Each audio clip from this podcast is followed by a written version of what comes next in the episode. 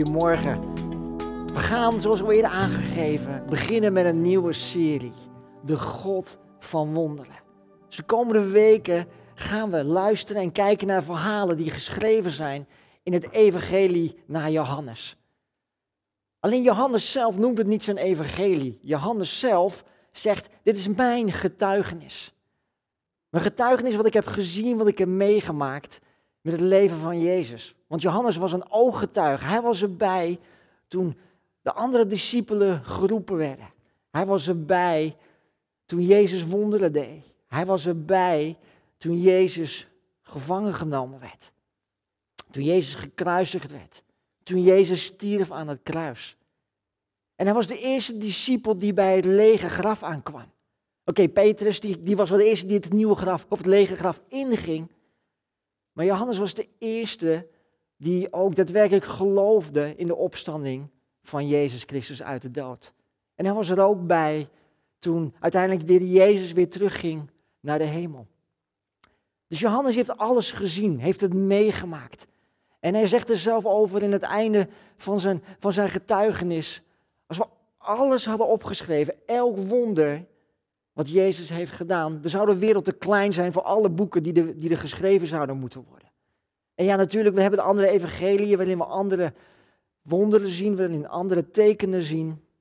Maar zelfs dat bij elkaar is niet alles, want er zijn veel meer wonderen gedaan. En in Johannes 20, vers 30 en 31 zegt Johannes dit. Jezus heeft nog veel meer wonderen tekenen gedaan voor zijn leerlingen, die niet in dit boek beschreven staan. Maar deze zijn opgeschreven opdat u gelooft dat Jezus de Messias is, de Zoon van God. En omdat u door te geloven leeft door zijn naam. Oftewel, hij, zegt, hij gebruikt het woordje maar, waarin hij zegt, deze zeven, deze zeven gebruiken heel specifiek om jullie iets te laten zien, zodat je gelooft, zodat je leeft in zijn naam. En hij getuigt hier heel erg mooi wat Jezus zelf gezegd heeft. En dan wil ik een stukje uitlezen uit Johannes 17, vers 1 tot en met 4. Daarna sloeg Jezus zijn ogen op naar de hemel en zei: Vader, nu is de tijd gekomen. Toon nu de grootheid van uw zoon. Dan zal de zoon uw grootheid tonen. Hij heeft u de macht over alle mensen ontvangen. De macht om iedereen die u hem gegeven hebt, het eeuwige leven te schenken.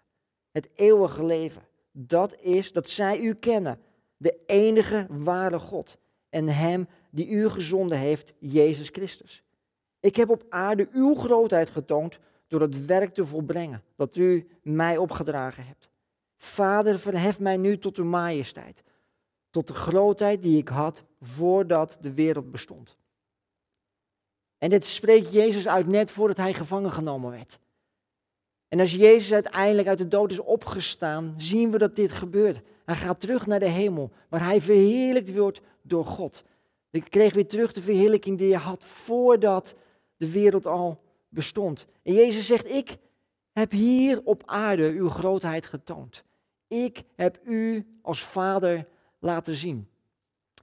En in het begin van Johannes zien we dat ook, dat wanneer Jezus Nathanael roept als een van zijn discipelen, zegt hij tegen Nathanael, hey, ik heb jou al gezien toen jij nog onder de vijgenboom zat.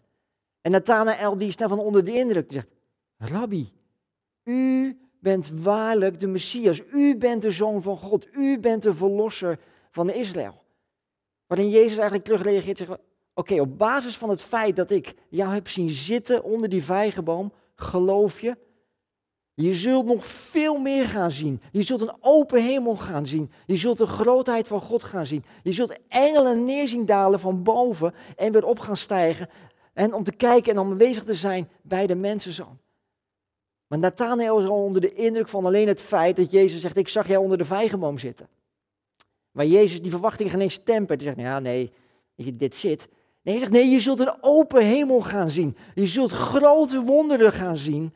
En je zult een open hemel gaan zien. Je zult de Vader gaan zien. Want dat is wat Jezus ook continu doet. En dat is wat ook Johannes beschrijft wanneer hij de zeven wonderen beschrijft in zijn getuigenis. Johannes zegt steeds, en Jezus zei dit, en Jezus zei dat. En Jezus zei onder andere, ik doe deze dingen in opdracht van de Vader. Ik doe deze dingen wat ik heb gezien, wat de Vader mij heeft laten zien. Ik doe alleen maar wat de Vader wil dat ik doe. Je zegt niet, ik heb zelf ook wat bedacht. Nee, in alles wat ik doe, wil ik de Vader laten zien. In elk wonder, in elk woord dat ik spreek, wil ik de Vader laten zien. En misschien wel in een van de bekendere Bijbelteksten, in Johannes 14, vers 6, zegt Jezus ook, ik ben de weg, ik ben de waarheid, ik ben het leven. En niemand, maar ook dan ook niemand komt tot de Vader dan door mij. Waarin hij zegt, kijk naar mij, maar ik ben niet het doel op zich. De dingen die ik doe, de dingen die ik zeg, zijn om jou te helpen, om het doel te bereiken, om de Vader te zien, om herstel te hebben bij de Vader, om dicht bij de Vader te zijn. Jezus zegt, ik heb deze macht gekregen. Ik doe deze dingen. Ja, door deze wonderen mag je gaan geloven. Maar ik doe het zodat jij Hem gaat zien. De Vader gaat zien. En zo mogen we ook naar het hele Bijbelboek Johannes kijken. Mogen we dat in gedachten houden wanneer we de woorden lezen die Jezus sprak? Mogen we dat in gedachten houden wanneer we inzoomen op die mooie wonderen die Jezus gedaan heeft? Mogen we dat vasthouden wanneer we dat ook proberen om te zetten voor ons eigen leven? Dat wat er ook gebeurt, Jezus' diepste verlangen en die diepste opdracht is om de grootheid van God te laten zien. Om een open hemel te laten zien en jou te laten zien dat de Vader aanwezig is. Want wonderen helpen ons om te geloven. Dat zien we dat Jezus dat doet. Maar vertrouwen op God helpt je om God te blijven zien en God te blijven zoeken op momenten dat wonderen uitblijven. Wanneer je er alleen voor staat. Wanneer je denkt, Heer, waar bent u? Dan mogen we terugkijken naar de wonderen die Jezus gedaan heeft. Om te blijven vertrouwen wat God gedaan heeft, hoe groot God is. En zo wil ik met jullie het stuk lezen van de genezing van Bethesda. Eén van de wonderen die Jezus gedaan heeft. En dat staat in Johannes 5, vers 1 tot en met 18. En ik ga het jullie voorlezen. Daarna was er een Joods feest en Jezus ging naar Jeruzalem. En in Jeruzalem, bij de schaapspoort, is een bad met vijf zuilengangen, dat in het Hebreeuws Batsata heet. Daar lag een groot aantal zieken, blinden, kreupelen en misvormden. En er was ook iemand bij die al 38 jaar ziek was. En Jezus zag hem liggen en hij wist hoe lang hij al ziek was. En hij zei tegen hem, wilt u gezond worden? De zieke antwoordde, Heer, als het water gaat bewegen, is er niemand om mij erin te helpen. Ik probeer het wel, maar er is altijd al iemand voor mij in het water. En Jezus zei, sta op, pak uw mat op en ga en loop. En meteen werd de man gezond. En hij pakte zijn slaapmat op en liep. En nu was het de Sabbat. De Joden zeiden ook tegen de man die genezen was, het is Sabbat. Het is niet toegestaan om een slaapmat te dragen. Maar hij zei tegen hen, degene die mij genezen heeft, zei tegen mij, pak uw mat op en loop. Wie zei dat dan, vroegen ze. Maar de man die genezen was, kon het niet zeggen wie het was, want Jezus was al verdwenen, omdat er zoveel mensen waren. En later kwam Jezus hem tegen in de tempel en zei toen tegen hem, u bent nu gezond, zondig daarom niet meer. Anders zal u wat ergens overkomen. De man ging aan de Joden vertellen dat het Jezus was die hem gezond had gemaakt. Het was omdat Jezus zulke dingen deed op de Sabbat dat de Joden tegen hem optraden. Maar Jezus zei, mijn vader werkt in één stuk door, dus daarom doe ik het ook. Vanaf dat moment probeerden de Joden hem te doden. Opdat hij niet alleen op de Sabbat, de Sabbat ondermijnen, maar bovendien God zijn eigen vader noemde. En zichzelf zo aan God gelijkstelde. Oké. Het is Sabbat en Jezus komt bij het bad van Bethesda en daar ligt deze man die al 38 jaar ziek, ziek is.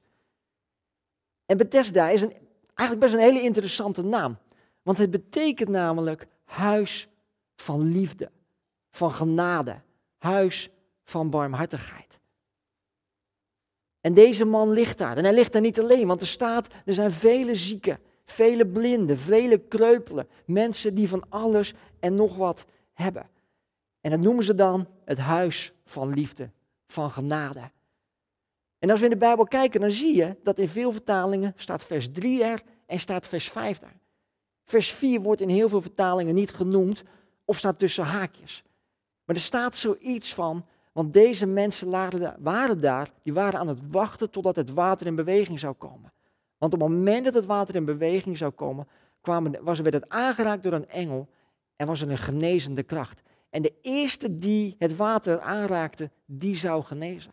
Oftewel, de hand van God die het water aanraakte. En dit is een soort, Bethesda was een soort kuuroord. En, en onderin in, in dat water onderin was een soort bron. En af en toe borrelde dat op en bewoog het water. En door hun werd het gezien als het is de hand van God. Dus ze lagen daar in het huis van genade, in het huis van liefde, te wachten totdat die rimpeling in het water zou gaan plaatsvinden. Maar dan denk je, huis van liefde, huis van genade. Denk, kan je je even voorstellen, wanneer het dan gaat gebeuren, wanneer het water gaat bewegen, liggen al die zieke mensen daar, al die kreupele mensen daar. En dan is het natuurlijk uiteraard een huis van, van liefde, een huis van genade. Waarin ze zeggen, yes, het water is bewogen. Laat ik jou eventjes helpen, zodat jij eerder bij het water terechtkomt, zodat jij genezen kan worden. Nee, oftewel, de blinde helpt de lammen om eerder een genezing te ontvangen. Ja, uiteraard niet. Want ze lagen daar om zelf genezen te worden. Het zou bijna meer kunnen, huis, eh, meer kunnen noemen een huis van chaos, een huis van strijd.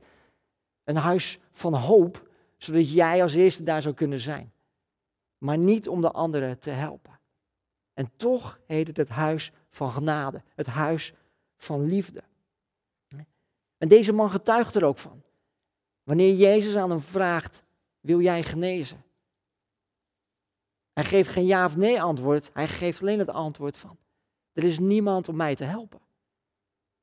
Oftewel, je hoort ergens een soort hopeloosheid in zijn stem. Maar het gaat niet alleen om zijn ziekte, want de man was ziek, maar dat betekende ook dat hij verstoten was. Verstoten uit de community, verstoten als onderdeel zijn van het volk. Hij had al jaren geen offers meer kunnen brengen in de tempel. Had al jaren niet meer naar een synagoge kunnen gaan om God te aanbidden. Hij had al jaren niet meer, zoals deze dag ook was, een feestdag voor de Joden, geen onderdeel kunnen zijn van, van dat feest. Hij was alleen, hij was ziek, had niemand meer en lag in het huis van genade en van liefde. En in die omstandigheden vraagt Jezus aan hem, wil jij genezen? Oké, even terug, waar we al eerder over begonnen. In, in het begin van Johannes zien we dat Nathanael geroepen werd door Jezus. En waarin Jezus zei tegen Nathanael, ik zag jou al onder de vijgenboom liggen. Ik zag jou daar, ik had je gezien. En in dit verhaal zien we dat Johannes getuigt van het feit dat Jezus al wist dat deze man al heel erg lang ziek was. En toch stelt Jezus de vraag, wil jij genezen? Dan denk je bij jezelf, dit is toch echt een super retorische vraag. Een vraag waarin je het antwoord eigenlijk al helemaal op weet. Ja, natuurlijk wil hij genezen worden. En dat moet Jezus toch geweten hebben, want Jezus kent alles, hij ziet alles, hij weet alles. Hij kent zijn gedachten. Hij weet dat die man alleen is. En toch stelt hij de vraag. Maar deze man geeft geen ja of nee antwoord. Hij geeft alleen maar de omstandigheden aan waardoor hij nog niet genezen is. Hij geeft aan, er is niemand om mij te helpen. En alleen zegt Jezus dan tegen hem, sta op, pak je mat op en loop, wees gezond. Jezus ging niet in om zijn omstandigheden. Jezus deed direct wat hij wilde laten zien. Hij wilde een open hemel laten zien. Hij wilde laten zien, dit is de God van wonderen. Dit is wie God is. God kijkt, tuurlijk ziet God je omstandigheden. Tuurlijk ziet God waar, jij bent. Maar hij kiest ervoor om genezing te brengen. Het probleem alleen was wel dat deze man genezen werd op de Sabbat. Hij pakte zijn matras op en liep. En hij werd ook direct aangesproken door de fariseeërs, door de joden. Die zeiden, wat, wat ben je aan het doen? Het is Sabbat, het is een feestdag. Jij mag niet werken. Wat je nu doet, je zondigt. Terwijl hij werd weer direct verstoten en gezegd tegen, door andere mensen, jij bent een zondaar, is niet oké. En Jezus komt er ook op terug wanneer hij deze man weer in de tempel tegenkomt. Jezus in de tempel en die man kan na 38 jaar eindelijk weer in de tempel zijn. En hij ontmoet Jezus daar weer. En Jezus zegt tegen hem, je bent nu gezond, zondig nu niet meer. Jezus was zich heel erg bewust van het feit dat die man eigenlijk iets deed wat in overtreding was ten opzichte van de wet. Werken. Een matras dragen alleen was al werken. Maar Jezus zegt, weet je, ik veroordeel jou niet over het feit dat jij die matras droeg. Ik zeg tegen, niet tegen jou van ja, zondig nu niet meer. Maar wat hij daarmee wil zeggen is, doe weer op de dagen, zoals op de Sabbat, doe waarvoor de Sabbat bedoeld is. Aanbid God. Zoek God. Neem de tijd om bij God te zijn. Wees dankbaar. Want dat was het concept onder andere van waarom de Sabbat ingesteld was. Om rust te nemen. Jezus gebruikt door te zeggen zondig nu niet meer. Om te zeggen neem de tijd om je weer op God te focussen. Om je leven te veranderen. Om niet meer te zondigen. Om keuzes te maken in je leven waarin je weer dichter naar God toe groeit. Afstand te nemen van je oude leven en kijken naar de open hemel, naar wie God is. Dat bedoelde Jezus daarmee te zeggen. Van zondig nu niet meer. Focus je op God. Want ook in dit wonder zien we weer dat Jezus een wonder doet, zodat we geloven, zodat we leven, zodat we vrij kunnen zijn. Waarin hij eindigt door te zeggen, kijk naar God. Focus je op God. Vier de Sabbat. Dank God in alles. hoe zit jij erbij? Lig jij ook bij een Bethesda? Heb je pijn, heb je verdriet, fysieke ziektes? Heb je een wonder nodig in je leven? Misschien niet op, op, op lichamelijk gebied, maar op andere plekken. Hoe zit jij erbij? Wat kunnen we dan leren als we het verhaal van Bethesda naast ons eigen leven leggen? God heeft jou al lang gezien. Zoals die deze man zag. Zoals die Nathanael zag. God kent je. Hij kent je gedachten. Hij kent je pijn. Hij kent je verdriet. Maar kijken wij alleen maar soms naar de omstandigheden waardoor we geen genezing ontvangen hebben. Of waardoor we geen wonden zien in ons leven. Zoals deze man.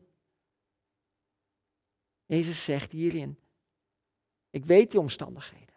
En ja, ik wil een wonder doen in jouw leven. Ja, ik wil, wil dat jij die open hemel ziet. Ik wil dat jij de Vader ziet.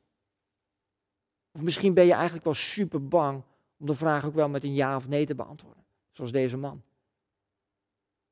Want je, bent, je voelt je misschien verstoten uit de omgeving. Of je weet niet wat het gaat betekenen om weer terug of onderdeel te mogen zijn van je volk. Wat het betekent om, om weer genezen te zijn.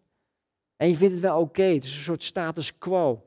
Van ja, ik krijg er ook wel een, bepaalde manier van aandacht door. Ik word zielig gevonden en dat gevoel van zieligheid is misschien ook wel heel erg prettig. Er zijn zo verschrikkelijk veel reden waarom we eigenlijk soms ook wel eens... We zeggen van ja, we willen een antwoord, maar doe toch maar niet. Ja, we willen een wonder, maar doe toch maar niet. Omdat we ook soms bang zijn voor de consequenties. Want hij was al 38 jaar ziek. 38 jaar niet meer onderdeel van iets. Maar Gods diepste verlangen is om tegen jou te zeggen: Ik ken jou, ik zie jouw situatie. Ik weet wat je meemaakt. En ik, ja, ik wil er zijn. Ik wil je een wonder brengen. Ik wil je een wonder geven. Je mag je uitstekken naar dat wonder. Want deze man lag wel daar bij het bad van Bethesda. Met de hoop, misschien ooit, misschien één keer, misschien dat er iemand is. Of misschien slaapt iedereen wanneer het gebeurt en ik ben net wakker. En dat ik als eerste bij dat water ben. Hij hield hoop, hij hield vertrouwen. 38 jaar lang. We weten niet of hij 38 jaar lang in het bad van Bethesda gelegen heeft. Daar bij dat bad, om te wachten. We weten dat hij daar wel lang lag. Maar we weten dat hij al wel super lang ziek was. En dat is ook wat God wil doen in ons eigen leven. Ja, hij kent omstandigheden. Ja, hij wil dat je hoop houdt. Yes, hij wil dat je blijft kijken naar hem. Want ik ben hier met een open hemel. Nogmaals, wonderen in ons leven helpen ons te geloven. Wonderen helpen om ons vertrouwen te geven. Kijken naar wonderen in, om, bij andere mensen, om mensen om ons heen, helpen ons te vertrouwen op God wanneer wonderen uitblijven. Maar God roept je op, blijf volharden. Blijf vertrouwen. Want ik ben erbij.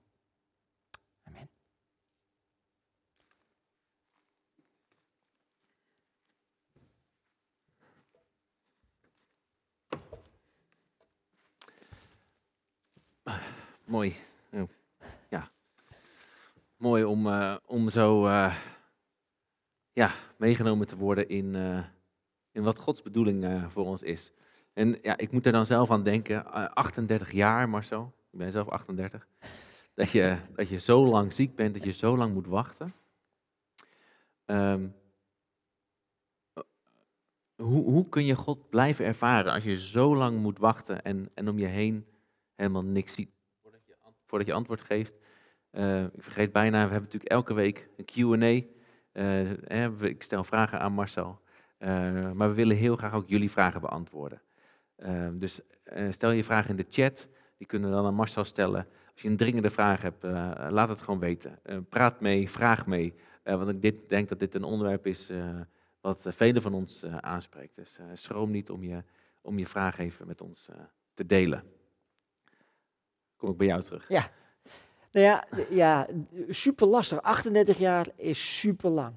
En eh, ja, ik weet dat er mensen al heel erg lang ziek zijn. Of mensen die heel erg lang al, al, al hopen op een wonder. En dan is het super lastig om, om te blijven kijken, blijven vertrouwen. Komt dat wonder daar daadwerkelijk nog? En ehm, het helpt om het hart van de Vader te zien.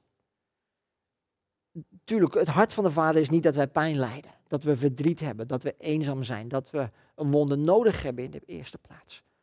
Gods hart is wel dat hij zegt, kijk naar mij, kijk naar mij, ik ben bij jou, ik ken jou en ik ben er ook bij op de momenten dat je mij ook nodig hebt. Ik ben er ook wel aanwezig in jouw ziekte.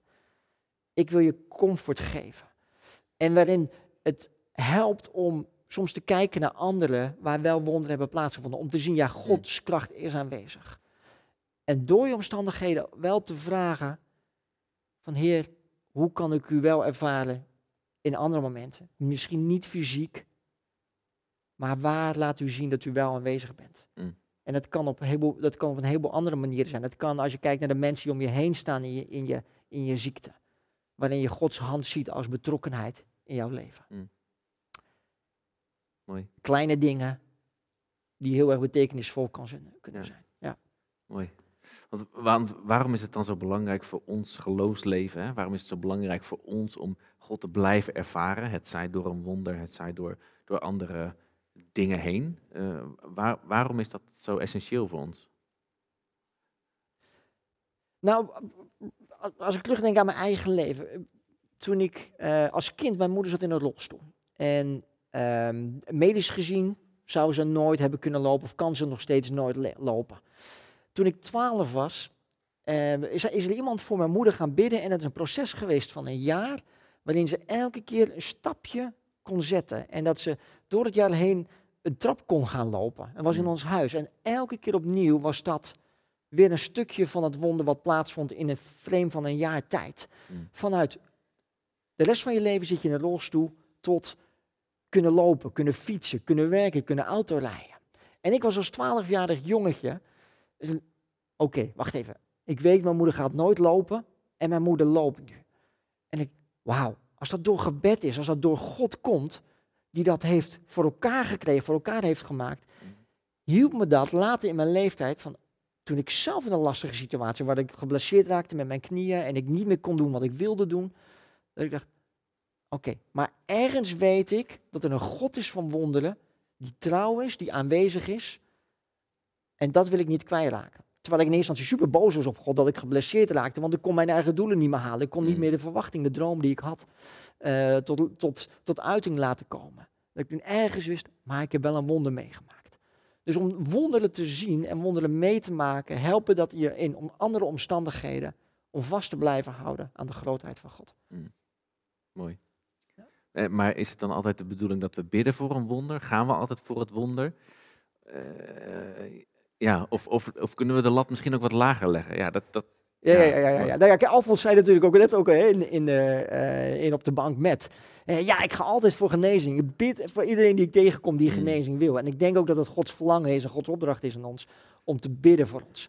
Het mooie voorbeeld in, uiteraard is wel waar Johannes van getuigt, is wat Jezus doet. Hij zegt, Jezus keek naar de Vader. Hij deed wat de Vader wilde. Mm. Dus op het moment dat er iemand bij mij komt en van, hey, wil je voor me bidden? Want dit en dit is de situatie. Er is, ik, heb, ik ben ziek of ik heb genezen nodig. Yes, daar gaan we voor bidden. Heb ik geloof voor? Vertrouw ik in dat het wonder gaat gebeuren? Mm. En, kijk, en wat wil de vader op dat moment doen? Ja. Want misschien wil de vader op dat moment misschien wel iets anders doen wat hij veel belangrijker vindt. Een stukje comfort geven, zodat we leren vertrouwen op hem Mm. wanneer het nodig is. Dus wat Je- Jezus is het mooie voorbeeld. Ja, wat doet de vader? Dus ik stel ook altijd de vraag, Heer, wat wilt u doen wanneer ik Mm. voor iemand bid? Ja. Doe uw wil. Niet mijn wil, maar uw wil geschieden. En ik hoop op een wonder. Want ja, Ja. daar ga ik voor. En dan ben ik soms ook een beetje teleurgesteld als er niet het lichamelijke wonder gebeurt.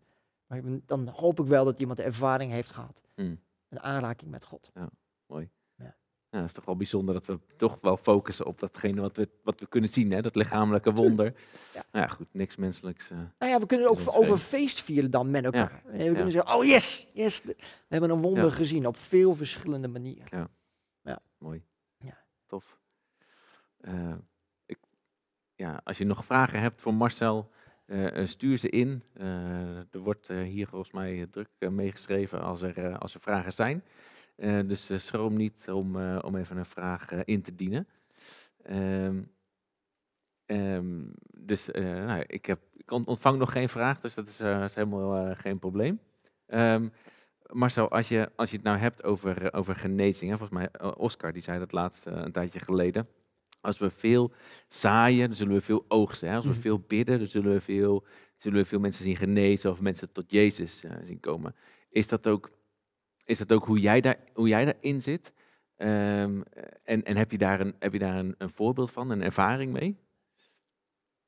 Nou, ik denk niet, niet voor niks dat Jezus zegt van, eh, eh, ik, ik, ik leg de lat lekker hoog. Ik, de verwachtingen zijn enorm. Jullie gaan veel grote dingen zien. En we hebben ook als de opdracht die, die we hebben gekregen, we hebben de Heilige Geest gekregen die ons leidt. En, en de Bijbel heeft meerdere voorbeelden waarin gesproken wordt van, hey, jullie zullen de kracht ontvangen Mm. om wonderen te gaan doen. Om op, op, op schorpioenen te gaan staan, op slangen te gaan staan. Om wonderen en genezingen te doen in mijn naam. Dus ja, laten we zoveel mogelijk blijven bidden. Laat de zieken tot ons komen. Laten we handen opleggen op, op iedereen. Of bidden voor in elke omstandigheid waar iemand een wonder nodig heeft. Mm. En dan geloof ik ook, hoe meer we er ook om vragen, hoe meer we ook zullen gaan zien gebeuren. Want het is de God van wonderen. Het is niet de God van een wonder. Het is de God van wonderen. En door wonderen bouwt ons geloof. En door, ja, absoluut. Absoluut, amen. Ja. Zeker, ja. ja. Mooi. Ja, heel tof. Mooi. Goed om te horen. Ja, ja. Yes. Ik zie dat er een vraag is. Dankjewel, Maarten. Leuk. Yes. Eh, ik heb hier een vraag, dankjewel eh daarvoor, als je me hebt eh, ingestuurd. En die zegt, in mijn omgeving ken ik iemand die al, ehm, al ruim een jaar wacht op een wonder, dusdanig dat hij het geloof verliest. Mhm. Waarom blijft een wonder bij uit bij iemand die zo ontzettend trouw is? Ja, Dat is moeilijke. dat is, nou ja, ja, kijk, weet je, één, je kent natuurlijk de situatie niet. Mm. Ehm, wat, ik, wat ik wel weet is dat Jezus, of, of God de Vader, ook in die situatie aanwezig is. Ja, we willen een wonder zien en ik hoop ook dat deze persoon ook heel snel genezen zal worden. Mm. Ik wil zowel degene die de vraag stelde, maar ook die andere persoon, misschien luistert, of kijkt je ook wel mee, juist ook aanmoedigen. Wat mag ik leren in deze situatie? Wat wilt u nog meer doen? Ja, ik wil graag genezen worden. Ja, ik hou vast aan uw beloftes. Is het op dit moment iets wat u me eerst wil leren voordat ik dit wonder mag gaan zien? Mm. Of misschien ga ik dit wonder wel nooit meemaken. We hadden natuurlijk vorig jaar de situatie dat we afscheid moesten nemen van iemand die ernstig ziek was. En waar we voor gebeden hadden dat hij genezen zou worden. Ja. En hij zei zelf, linksom of rechtsom, ik kom steeds dichter bij het wonder. Of ik genees hier op aarde, of ik kom in de hemel en ik ben genezen. Mm. En dat is wel een mooie houvast. Kijken naar de open hemel, dichter naar God toe groeien. En ik wil dus ook zeker, weet je, beide personen ook, weet je, zeker bemoedigen. Van ja, verlies je hoop niet. Je, degene die de vraag stuurde, blijf bidden voor deze persoon. Mm. Blijf strijden voor deze persoon. Ja? En degene die worstelt van ja, ik bid er al zo lang voor, een jaar lang voor. Hou vol. Mm, God is er, hij ziet jou. mooi. Ja. Ja. mooi. Ja, ik wil afsluiten met deze vraag. En dat is ook wel weer een, eh, ook weer een hele mooie vraag. Ook wel weer eh, spannend. Uh, Dank je wel dat je me hebt ingestuurd. S- schrijft, eh, hoe ga je ermee om als je toch de indruk hebt dat God geen lichamelijk wonder wil doen? Volhard je dan in bidden voor een wonder? Of, of geef je dan op? Nou, geef nooit op in gebed. Eh, want gebed is gewoon de manier waarin je ook dicht bij God blijft, waarin je Gods hart ziet. Ehm, als je het idee hebt dat God niet die genezing wil brengen, is er misschien wel een reden dat God, of er is een reden dat God het wil. En misschien wil juist God die ziekte wel gebruiken om een grotere getuigenis te zijn Mm. van wie God is. Mm. Ja, ik mag getuigen door ziekte heen. Ik mag getuigen door pijn heen. En misschien dat ik die, die, dat herstel, fysiek herstel nooit zal krijgen. Maar ik mag wel getuigen van wat God wil doen in mijn leven. En wat jouw worsteling is. Mm. Ja. Mooi. Ja. Dankjewel Marcel. Mooi. Gedaan. En dat is misschien ook wel waarmee ik jullie weet je, wil aanmoedigen. Weet je, ook met die gedachte.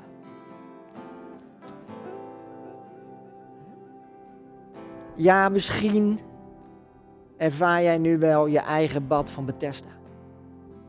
Je ligt daar te wachten op een wonder. Je kijkt naar je omstandigheden en er is niemand om mij te helpen. Je hebt pijn, emotioneel of lichamelijk. Of je komt elke, elke maand tekort op financieel gebied. Of misschien is er wel een kinderwens die gewoon niet uit blijkt te komen door omstandigheden. Jezus zegt, ik kom naar jou toe in je huis van Bethesda. Ik kom naar jou toe in het huis van liefde, van genade, het huis van barmhartigheid. Dus wanneer we nu ook zo meteen een nieuw lied gaan zingen, of een ander, eh, weer een lied gaan zingen, wat gaat over de God of Miracles, wil ik je vragen om na te denken. Waar in mijn leven heb ik een wonder nodig? En spreek het uit naar God. Spreek uit wat jij nodig hebt. Want God zegt, ik heb hier een open hemel en ik wil je dit wonder laten zien. Ik wil je een wonder laten ge- geven. En ik wil beginnen met het grootste wonder en dat is mijn aanwezigheid in jouw leven. Misschien heeft God al wel eerder de vraag aan jou gesteld, wil jij gezond worden? Wil jij voorzienigheid ontvangen? En is je antwoord erop, nee. Omdat je het niet meer durft. Omdat je al zo lang verstoten bent van die omgeving. Alleen staat. Misschien is dit nu het moment dat je de vraag, het antwoord gaat omdraaien. En zegt, ja, ik lig hier al 38 jaar. Alleen. Nog een klein beetje hoop. Laat ik nu zeggen, maak die hoop groter. Want de God of Miracles wil bij jou komen. En wanneer je er ook mee worstelt, we hebben al eerder gezegd, we hebben een gebedstelefoon en we dagen je uit en we nodigen je uit om te bellen, want je staat er niet alleen voor. We willen met je erover praten, we willen erover met je, voor, je bidden. Ik wil je uitdagen nogmaals om de vraag te stellen. En specifiek te zijn tegen God. Heer, ik heb dit wonder nodig. En ja, soms doet dat pijn. En God ziet het. Want hij wist dat hij al lang ziek was deze.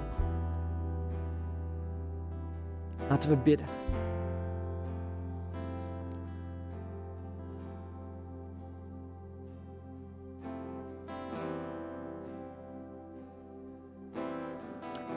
Jezus, we nemen dit moment van stilte.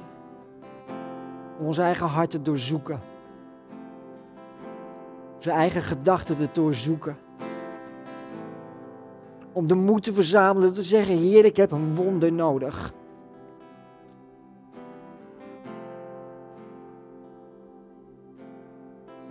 Kom ons ongeloof tegemoet. U bent degene die zegt, ik draag jou naar dat water toe. De hand van God is in jouw leven aanwezig.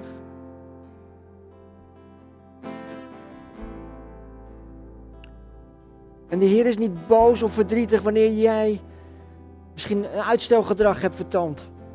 Of het niet meer durfde. Ik kom naar jou toe in het huis van Bethesda. Laten we samen zingen.